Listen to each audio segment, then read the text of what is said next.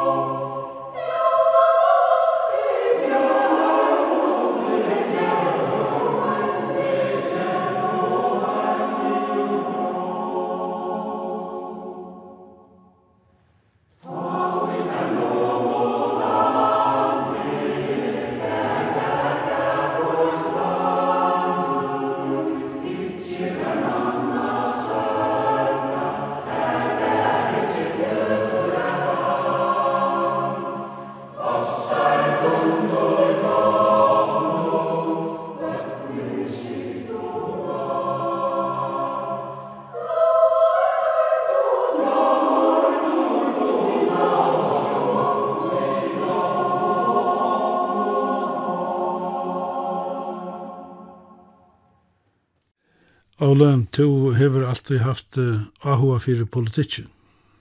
Ja, det kan jeg godt sige. Jeg må sige at jeg, at jeg byrja faktisk under klaksusruinen og laknasruinen. Da var jeg 12 år gammal, og jeg var øyld opptrykkende av som jeg kvirset til han. Og jeg har egentlig øyntatt antatt jeg opphattende tingene. Jeg slukte kvann fjordstanda, og det gjør så til at jeg helt til at sjåslokken var det øynast av. Og for jeg lenga sjåstutta, 1926 til valgjær, Trump var oppstilt av fire kjølanslosjen og ble nummer fire et oksår til rettjene.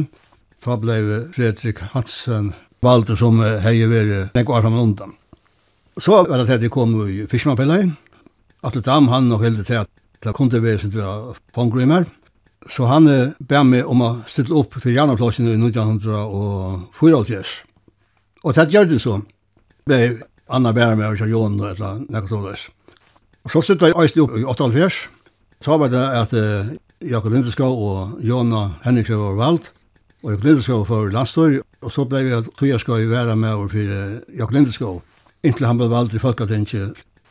Jeg var så visjen i organisasjonen til Jana Plosjnum, og helt mye øyne være lojalan og gjøre visst arbeid. Men til sambandet som skulle være mellom fagfellesfolk og løsnene, til først av spåren, og man følte til at man ikke ble hårdur, Det skapte ildstøv. Det var jeg og Ingvar Vinter som tar vår sammen, kan man sige.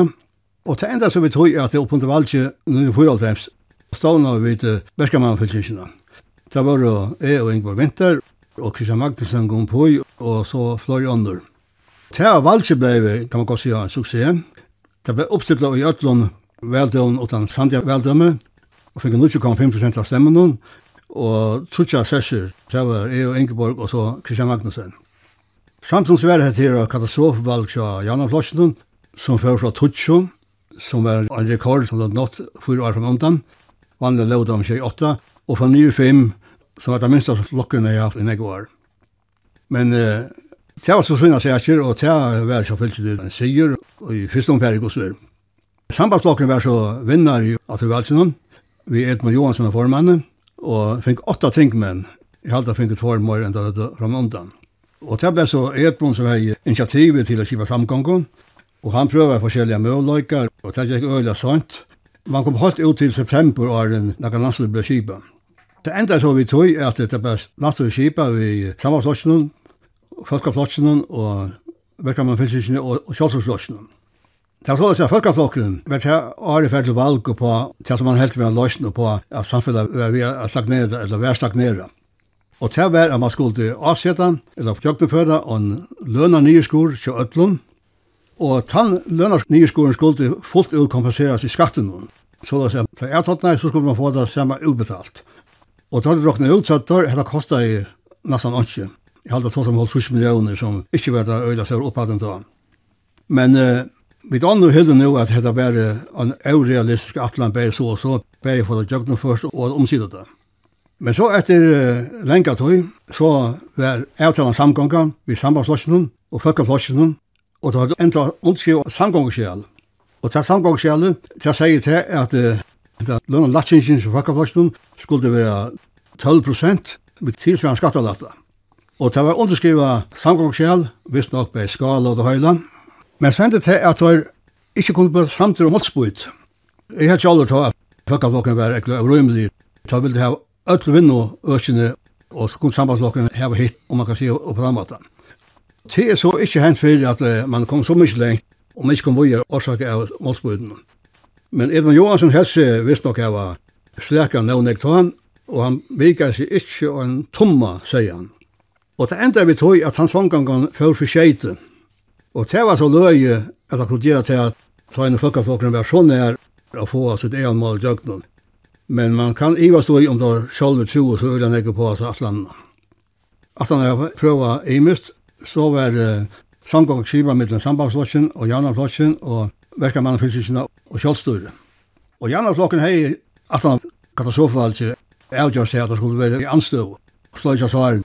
Det forstender man egentlig godt. Så kan man godt si at det var det største av Janne Flosjen til å takke om endan, og ikke minst sammen med okken, som dere kunne gjøre skildene for at det valgte var så vanlig som det var. Vi fikk så arbeid mal og utnære menning og landbjørnene, og på håndene hadde vi ikke noen evne til landstyrsmann som kunne takke seg av den østen, så det ble avrått at jeg skulle fære åtte år i landstor, så skulle vi røyne å finne en avløser at han hadde. Men åtte avgjørende mal til okken til Det var alls. Det var øyla så arbeidsløy stadvek da, og det ble gjerne lovgave som sier at ånden skulle fære ur skibane i 1955. Det var sida året etter. Og det betydde til at man var sikker av vår arbeidsløystol i et år og nekka vel at rett. Så skulle man gjøre tiltøk for å få arbeidsplass, og det ble så òsne gjørst nekka av tøy. Men det som så så heldig det gjør det månen, det var til at da toskeren kom atter, sånn parten i Tøybjallskøyene. Av fiskemannamalen var sjåfyllt til et okkur som jeg ville ha gjort først, og det var telefon fra drott sjå fiskemannen. Da var det så løs at fiskemenn fyrir at ta så omsatt litt tøym til sin familie. det kostar holdt fjersk sjøvner om minutten, og det kunne kjøtt bliva en formue Motsatt kunne det bare være noen få år man kunne utveksla. Og vi tatt ta fyrir vi halt fram undan i landskapsnämnden. Det var en utrustning som kunne tas fra og i skatten. Og det skapte nekka motmæle i systemen, og at han var et år, så ble han skipan avtidsen at vi leu. Og det ville vi så var innatter, og det fengte vi så. Og et høyt størst mål som tar vær i førspolitikken, det var bankamålet. Ongi visste hva det var hengt, men førgar høyde kjenslig av at det var blitt stuttet av danske myndløyken i samband med samanleggingene av Sjøvnbankan og Førjabankan. Det var et brått krav om å få en dommerkanning, å få dette her avklaran, Men det nyr og ikke, sikkert av han er sånn også ikke fyrir tøyen. Men at han var lenge samlåingar, så enda det vi til såkallet Grønborg-kanningsene.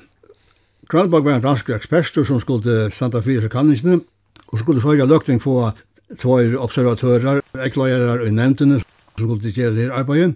Og det var så vidt i minnet Helena Damanessa for samgångene og Bjarne Djurholm for anstøvna som tar tavær.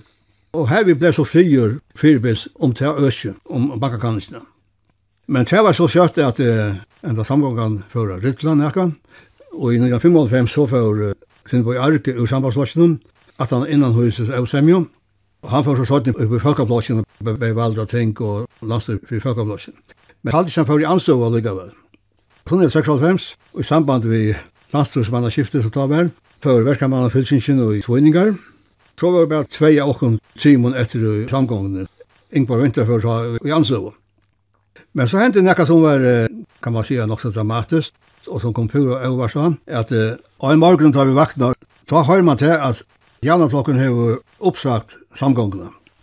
Det kom som sjokk, så jeg at uh, jeg helt sjolv at uh, samarbeidet hek ikke rymlig og godt, men uh, det var sindra av problem problemer i kommunen og mittelen Janaflokken og Edmund, halde jeg man kan sija.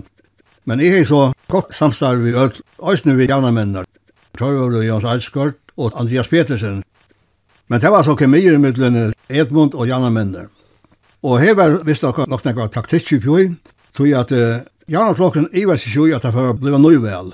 Tor hadde haft samband vi folkaflokkskjelter og tatt vi tinkbalsen, og tar det garantera gjerne flokken fire at folkaflokken han får så ikke på nekka samgångu. Tar det for borsur. Og så kunne det bare blei nøyvalg, Og Nøyvald kunne bare blive bedre for Janneblåsen enn de fem følgene som de hadde attention. Men her hadde de gjort regning uten verst som det øyde av danskun. Så det var just det som hendte. Folkeavlokken har nok innsett at det skått seg i pauten vid den fyrre samlingen og nå så det åttan fyrre, åttan nekra som helst avviskan. Så ta kom inn i samgångna største åttan tredje, vil jeg sige. Og lykkevel, fyrre at folkeavlokken skulle kunne Her var en farra av kjoltsurspolitikk i samgångsskjelen, så ikke står det å få en leiseåring om at jeg minns ordet hva det var, men så kannast omkring møllogar våre fyrir mora kjoltsur og nekka tandur. Hetta var fullkomlig oppbindande, og ikke råkna vi tog at nekka kunne bli nekka problem. Så heldur vi til at nå var alt i potten til å leia kvöld, men morgen etter så vakna vi vi at Edmund hei utskriva nøyvalg vegna hette innskyldja Høkkablåst.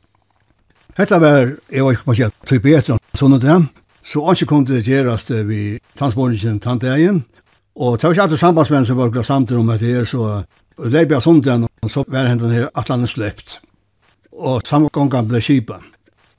Det er kjoltus etiketten sja så hun ble ikke fyllt angant aktuell, og det var helt smøla ikke fyrt, og det er tog jeg skal være forstått. Og landslagsmenn ble så Anfi Karlsberg og Jan Petersen, og ta kom så var samstånd av Jala Brekkemann, som vi har ekkelig alvorlige hotnatøkken vi nøkker år fra undan. Men tøyen hon røyner, og vi arbeider vel sammen og er vel i det høyast akkurat av i dag. Men fakkafolksmenn tar vi og ekkelig effektivt, tar sett seg nye og tar arbeid fullt spyt, tar fink og nek bors eur og tar kom jokken tinsje. Tar var også nekka som løsses tjadam at han kom inn i samgången da. Men etter mal jo med lønanlatsing og skattavlatsing, Det ble ikke tidlig på tungo atter. Og som tog inn utviklet seg, så hadde Øysle vært pura meningsløst et gjørst det. Så kunne jeg si alt hemst, kjente til at Edmund lekar leker samfittet grund bortstå ur samgångene. Så jeg han har sin antengen arbeid i en arbeidsatlan som var at gjøre tunnel under uh, Vestmannsund. Hva hendte vi tog i søvnet, videre vid jo alt. Men det betyr selvfølgelig til at Sjolstenslokkeren var bortstå ur samgångene grunn av. At han har med var Axel Nolsio og Tøyerskå i Lastøynen. At han har kommet Christian Magnussen og omsida Alman Amal, som var hans spesiale og som hever hans arbeidsløyv.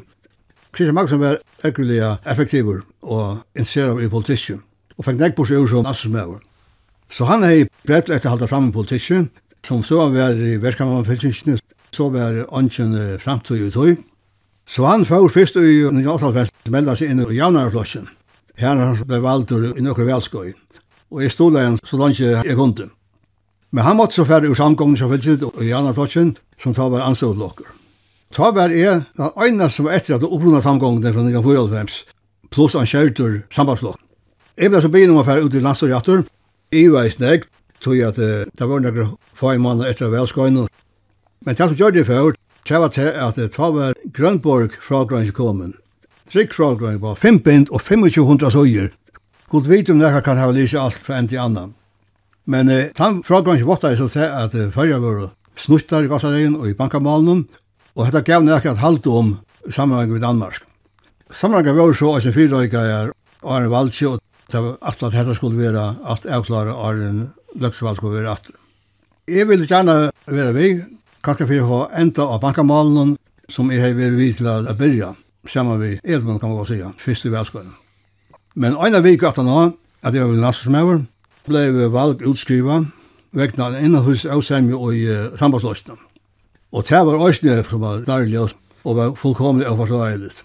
Men det var utskriva nøyvalg, så held det politiske arbeid som fyllt opp lagt løgte ikke gjør ikke, og det betyr til at så er man faktisk en starvstød.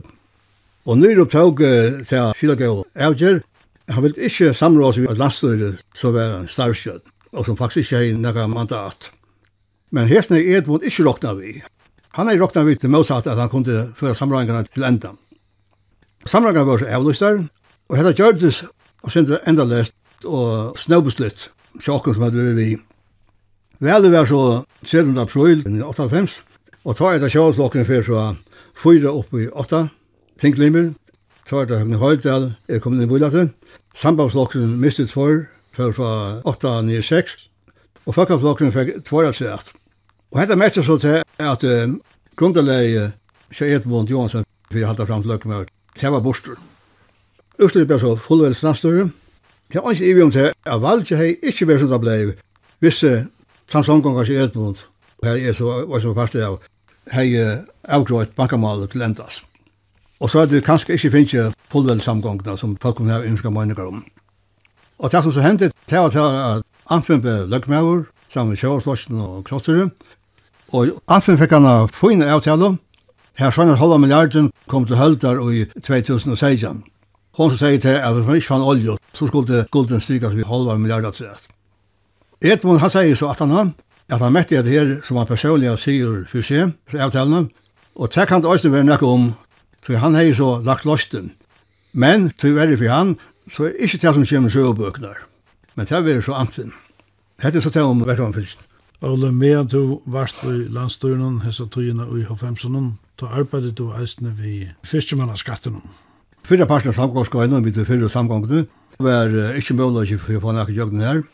Men da folkene kom i samgång, ta kom mulig her, tror jeg at folkene hei det prinsipielle støv, hun ville være vidt til å lakka skatten hver det kunne være, øysene om det kunne være av ankulten øsjon. Fiskmannen fratrådte hei vært fyrt, tja innførte Erlend Petersson under Kjolslandstøren, men uh, det var så blitt sanera av at han sammen vi øren fratrådte. Men jeg tok så sporen opp i Amfins, som omsett uh, Fujamal, og utsluttet av tøy, det ble så et oppskott om at uh, fiskmenn skulle ikke skattast av 15% av inntøkene, fiskmenn og sjåmenn forsetter man 100 kroner, så blir skattar 5 fort. Det var uh, kontroversielt oppskott, Tror jeg det var nägg målsöva på uh, innan og utan tings. og det ble enda lyst uh, verskvart, åndags verskvart, så flere fackhuvudet. og protesterar mot det som mannamone som man møtte på Georgia med den imskar løntakere. Hetta var en punkt i jól i 2005, så den samgånga sadeverket var intakt. Og det var flere, akkur som uh, min gau viner Ernst Hansen, som uh, var kommet inn som vera med over for uh, Christian Magnussen, vi vet at det var utsett, det jeg sier Korsa Nøy, så det var man til at vi er nekka utsett, så er det som regel med alla. Og jeg fanns vurs også til at hvis det var utsett, så er ønskommersrur. Og det var nek som jeg kom ut, jeg minns at Og det avgjørende funden som Hudja nevnte den gamle apotekene, for ljøs, det var på jøl. Men allikevel kom et alit fra Matink, og det ble så samtykt. Og høvstundgjevning, hun var så tann at uh, fiskmenn skulle få uh, enda gjald for heimstega saken. Tar var bostur som var parst av åren, og kunne ikke njøta at tar uh, avgøver som vidt andre landet kunne njøta. Og et annet argument, det var så kapping ved normen. Hine landene under omvåken, Ois normen høttu hana ekvelia lukrativa, skipan vi fradrotte, vi fiskmannskatte, og det kunne ikke fylse elva fiskmannafæra til norra Svartenberg er avmarska til 14 prosent og Hamar på 480.000 som man kunde geva skattalatta. Men dette geva så upp til 25.000 per mann per år. Jeg er så atla til at dette skulle færa barnas til pensionsskipan til anstakka, men det er ikke til av formellen årsøkken. Men det hever gossi mona vel til personlig oppspæring til fyrstemånden i sier 20 årene. Men det var nek motstøvan, òsne sjá fölkje vi avvirskan, Og i 2004 tar vi en politisk gravstevne av Kristiansborg. Og da visste jeg at uh, skattelaten kom fram i flere fjellmiddelen, hva det ble nok som var høvsmål i vidskiften mellom Førje og Danmark. Trøyden kom først i Berliske Tidene, og siden TV2. I Stotten så ble båtskaperen, som man finner fra Førje Kjelpetan, som i utskriften av vissa, at ferøyene som skatteparadis, ferøyske fiskere får gult via skatten. En gruppe feriske fiskere er i flere år for gult i kraft av særdeles favorable skattevilkår. Formanden for Folketingets finansutvalg, Christian Thulesen Dahl, krever nå at regeringen tager det danske statstilskudd til ferien opp til revisjonen. Hetta var altså mildt sagt misvisande tvindaslutninger. Hørsjønner mi var at uh, førsje fiskemenn fikk jo nek bedre skattasømter enn danser, og at hetta var futja av uh, danska blokktilskudd. Så ble det påsteget at første fiskemenn, at han har skatt, fikk dobbeltsnøk utbetalt som tilsvarende fiskemenn vid danske skipen. Og dette var fullkomelig vittløse påstander. Og nøklunda samståndet så kom samme sjønnen min fram i TV2. Så jeg var sjøtt ved pennen og skriva i bæg til Berlinsk og TV2. Berlinsk hei så han røyn i utskriftene fiskeriformann raser med bortfalt av fradrag. Men det mest interessante her, det var så TV2, Og i første omfære så fikk jeg svær fra dem, så hadde det at her var ikke ratta. Kanskje kunne okkur detaljer være avfullfutjan, men i høyshøyden var så tar jeg søva rødt. Ta gjør det til, jeg skriver en utregning til 2 og danske pressenevntene, og dette fylkene holder 11 søyer. Jeg sendte til flere politikere i Danmark, med anna for Grasmussen som tar var statsminister. Ta før så TV2 at kanna male, og tar takk om en vihalt, og takk allmenn tøyenden atter Den 21. august i 2004, det var den dagen jeg fylte 21 år. Og tar vi Djenko, i tøynden, som var kjent denne dagen, at det bare ikke til å samme et inntøker og skatt av danskon og førke fiskemannen til omstående vøvre for imiskar. Og da enda vi å si at her, at det var så å si en torskedom feil, og vi beklager. Samtundes fikk jeg brev fra tøyndaskjøren i TV2, som kallet for Mikkel Hertz, personlige ombering, og han vidtjekk i brevnen at han hadde mitt mittykelse rundt av skreiver opplysninger, og enda ved å sige, jeg kan forsikre deg om at en sak som denne naturligvis giver anledning til mange overveielser om blant annet grundighet og kilde kritikk. Og hetta er med til nastan søvulet. Det kan ha vært før, og hetta er gossi kjent i følgen, kan man godt sige. Christian Thulsen Dahl, han var så høvespersoner i Malnum. Han kom til følger fyrst i 2005, saman vi danske fudjanentene, og han var funnet i Hafnia, Her var fagfølgelig innkattleie. Her tok han hånden av meg og ønskte meg til lukke vi sikrenom. Hetta kunde Demalatik Øysene grøya fra.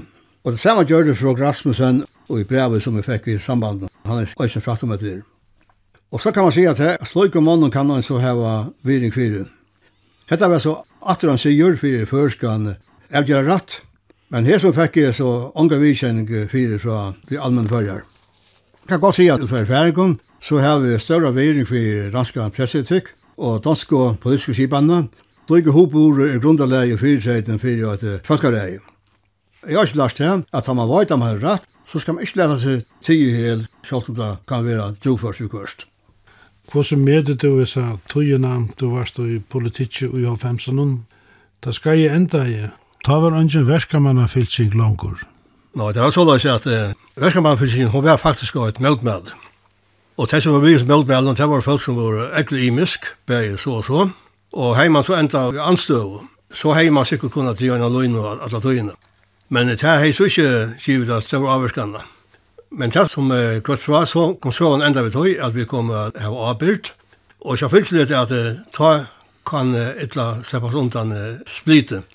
Og det kom også splite, og det er ikke hemmelig det tøy, ja. Og jeg skal omgå til å skiltene.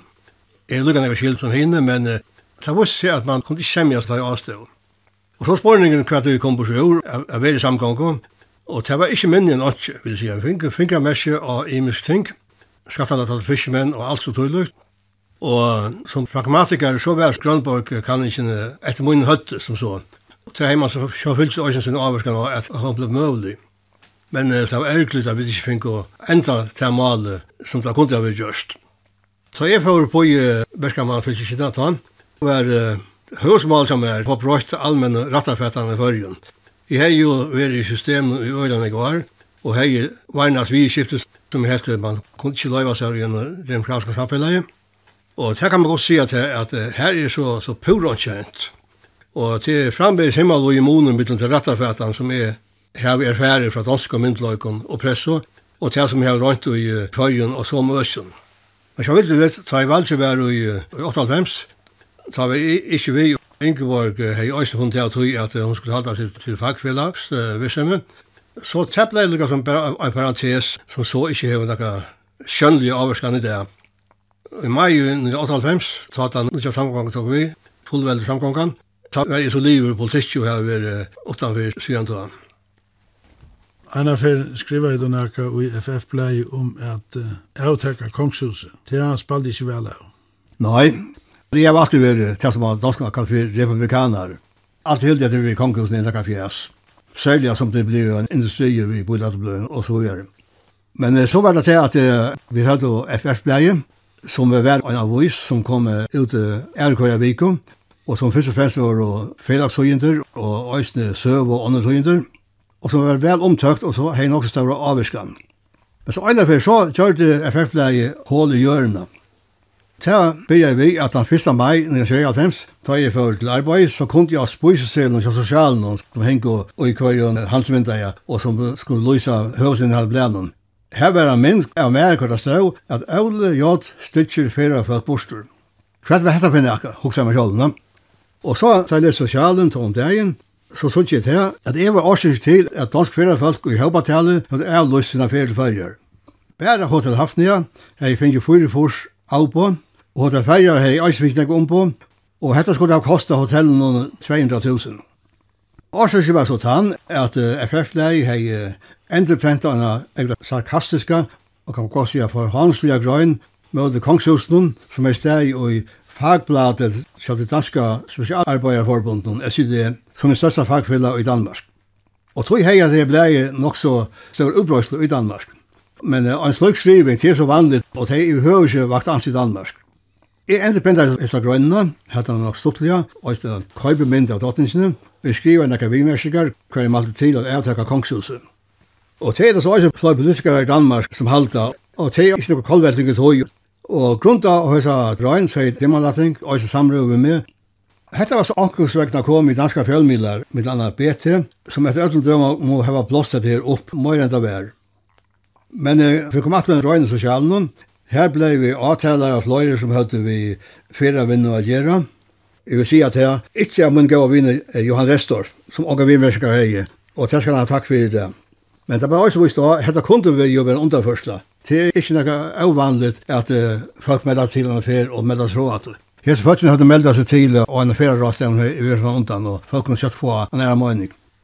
Jeg får så kan at her kjøs av ferra skrivstående gjøring, og tar seg til at det boilagt fram undan og 21 plass, og 18 hadde tegna seg, og fyra hadde givet av på vise årsøkene at jeg er skriver om konkurset. Hine fyrstan hadde så ære mølløyre å komme til farger vi øren farstånd til samme ferielænen. Så det som vi var flere hundra folk, sambars til sosialen, det var fyra folk. Fera skrivsåan sier jeg også til at uh, dette var altså en storm i et glassvand. Jeg har så øyne en grøn satt søttene og Sjøren kan si til at det er skjoldt at man lå i morgen heltene. Søttene om hestet kom drottningen også, så råkna jeg ble kursvarhøyder av danske fjellmiddelen, og ikke øyne seg nærkast som helst. Og så sier bare nærkast om at dette var opplåp som er var øyelig, kom øyelig illa vi, og øyne spyrir at jeg har gjørst nærkast i sinnesmåne som ikke burde ha gjørst at jeg hevnte mine sosiale ved å flyta prentingen av FF-læren og Ivar Rimmalatning. Og det burde ikke fyllt ikke gjørst, selv at jeg hadde rakt Jan Muller som annars hever hjulpet meg og at han hadde. Men jeg stod om FF-lære at det var egentlig populært, og da sa at åtte år ganger tar litt av mine heimasøye, og jeg var stadigvæk positive bimerkninger jeg fikk kallet inn i alt det var egentlig havverst. Men her vi kogga her, det var en sin spesielt som er bare flendig at det og som kanskje eisne viser at uh, journalistikken ikke vet det mest fullfugje. Tu hever haft nok sånn samband vi fremmand land, bei tøy du varst i fiskmannafellene, men kanskje eisne i Arndheim. Ja, jeg har alltid haft interesse for samband utenfor landåndanar. Og så er det kommet på merkelig mat i samband med visefolkene. Og i annen tror jeg, så fikk jeg samband med russere, som var Sergei Halipov. Jeg var 20, han var 20 år eldre enn jeg. Og han var en fantastisk med, han var malkjønne i Først vi han skrev til min talare av føreskånd, og han tog til halvtid han råkna opp en 20 mål. Og så fyllt det, så fikk jeg interesse for at vi kjenn, og til gjør det første ferie i, i 1966, jeg vi kjenn Russland, og han ofte at han har tatt, nå er han så deier, og til gav så at innlitt ut av sovjetiska samfunnet, og hvordan øynene det kunne fungere her. Da jeg kom her første ferie, det var da i Brezhnev, var i velmaktene, jeg bor i Hotel Astoria og i Leningrad, Og her kunne man få blø, disse blø, men det var bare kommunisterblø. Og av danske bløven så var det bare land og folk, danske kommunisterblø. Og så en av så minnes jeg til at det tvei blø var borster, som man ikke kunne få. Og så fant jeg til 18 år, altså 26, var det en skriving om två forfattere i Russland, Daniel og Sinjavski, som var forfilter av Storinen, Og landet folk tar var så møteier og kjolsøyer at har hatt møtmaltes ned helt til at det kunne Russland ikke, Sovjet ikke løyva seg. Og det var akkurat de bløyene som uh, kjoltland og folk uh, mot det sovjetiske systemet som ikke var få av hotellene til veien. Så effektivt fungerer i Tanskipan. Jeg kom så av fylkja gongten her, jeg kom av vikja ofta, og sørste fyrir vikja i tavær så kommunismaffæren. Men uh, særlig opplevelse det hei vi at uh, en, en, en Ta kom i samband med en kamerat i Estland og i DDR, Deutsche Demokratische Republik, som var en jøknefart kommunistisk land. Til ferien at han var det Walter Ulbricht, som var en hardliner, og en av de mest konservative kommunistene som stedet valgte, og ta kunne man merke hvordan det systemet fungerer i Østene. Det var lagt av ferie, så man kunne fære om morgenen i København, og kom atter om kvelden, og kontrollen var totalt Hver av man hei vi blei kontrollera og alt blei konfiskera og først blei blei også konfiskera så det var ikke ein esterskar til det først. Ein av hei så en grøyn vi, minst av danskund som jeg sier jo i børsen, Iversen var han at det var ikke moner av nazisme og kommunisme. Og jeg var så hei til vi vimmer til Esterskland. Og jeg ser unge fyrirane, marska kontroll, så iverskriftene og størsta vi hva pokker hette man det hava på seg hetta kunde vera okkur som var ein betre móti tala støyre. So jeg ble tilsen og tåtsen og kortur og jo rom og boi etter at jeg kann etter grønna. Og byrja vi så var sin tók i sjón og han forstod seg etter danska. Men so kom tans til mun at jeg kanska senda bo etter okkur som dødde angst og harene seg rostu so meg hva hetta hette enda við. Men at han tog med lokk så kom det at å si at her, at han grønne kom ikke innført til DDR, Men eh, hon skulle konfiskera, men kunde få en aftertag för ur ett land. Så var vitt med det systemet. Så har jag en är upplevelse att uh, en av heierne bøk vimmer kallar för maskering och sandhet som var uh, skriva av en uh, vestotyskun systemkritiker Gunther Wallraff som var ekla kritiske i vestotyska systemen. Men disse fyrene i tar så vidt tar visste det ikke, og tog ikke tankselter, så for sikra skyld så tog de konfiskera av de bøsene. Jeg kunne så ikke gjøre, men jeg kom hjem etter, skriva i uh, til Østtysk ambassaden i København, og sier til at det hette bare ivergrep som var, var framtmått med, tog tidsen av bøk fra meg som var, var pura og, og skildig i Torre Eion, og så faktisk gagna i Torre Eion til hun var kritisk i Vesttyskland. Og jeg husker ikke morgen til å råkna vi har hatt for sovjetisk grell. Men så gikk han tog, så fikk jeg et, et tjukt brev sendande fra DDR-representasjonen i København, Og så visste jeg at det var samme bøtsen, og brev hver det var ekkert harmer om at tiske bøtsen framme åt han grunn. Og nå hadde det vært i bøynen og kjøpt meg en nødja bøk. Så henne har vi nå sandet hjemme som et minne om Østtyskland. Men det som var det marskottelig at det var er at samtidig som norsk blød ble konfiskeret i Øysenførisk, så var det at høkene her var ha hus, det var TV-antenneskauer, hver og folk kunne sutja vestsøyst uh, sjønvarp, så måtte det være nekvarligere for Estryska staten enn til som førespillet og dagsbildet kunne være. Men at han nå at Estryskland fall, så er jeg også kommet fram, hette var Revestøyren, vi stasi og EU-værsing og folk kontrollerer kon annan og spinerer med kon øren, og det bør skrive om hvordan øyne tjøvn kom til å spinere med kon øren, og annan tjøvnarfinner kom til å få henne fangsel eller få tjøvn på ære møter. Så det var en historie som var uh, rævlet. rævlig. Jørgen, han var øyla kila gaver, og var også kritisk i systemet, og han pleier å være tolkur så Ellison Monnen, da han forhandla om svartsaft fra Giljanese. Og en av fortalte han fyrir meg at han hei vært tolkur fyrir føringar, så sier vi igjen, og fortalte du så at du kjente meg, nei, det er ikke gjort. Så tro bare til at han gjør det for sin egen sikkerhet. Nei, sier han, er så benge fyrir at jeg kunne få problemer i førjen, hvis jeg kom fram at jeg kjente folk i Østtyskland. Så hoksa jeg først til Østene. Østene hadde nek samband vi Israel. Jeg kom å kjenne Menachem Benjami og i 2000. Han var en fiske vinnerfrøyngur og arbeidde så FAO. Og han kom til følger i 2004 halte det var. Da kjente han, og ta fikk han sara søvo. Han var polsk og jøte, som var oppvaksen i såkallet jødiske gettøyne i Varsjava. Og når vi gikk åren gettøyne ble øyeløgt av tuskaren og ødelblivet dripen, Så Ta etter sånn røyme og gettoene, og han ble motstående med med tuskaren. Og han er giftest i Israel ved Hanno, som var uh, tuske jøte fra Berlin, som er en av holdt særlig av søvå, at uh, hennes familie var utfyrt, altså fra Fylkingen som uh, jøter var utfyrt, og hun var uh, ta sjuk og var innløkket sjukhuset.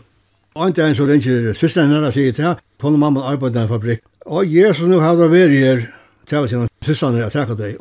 Og hun var stoppen til Røymingar.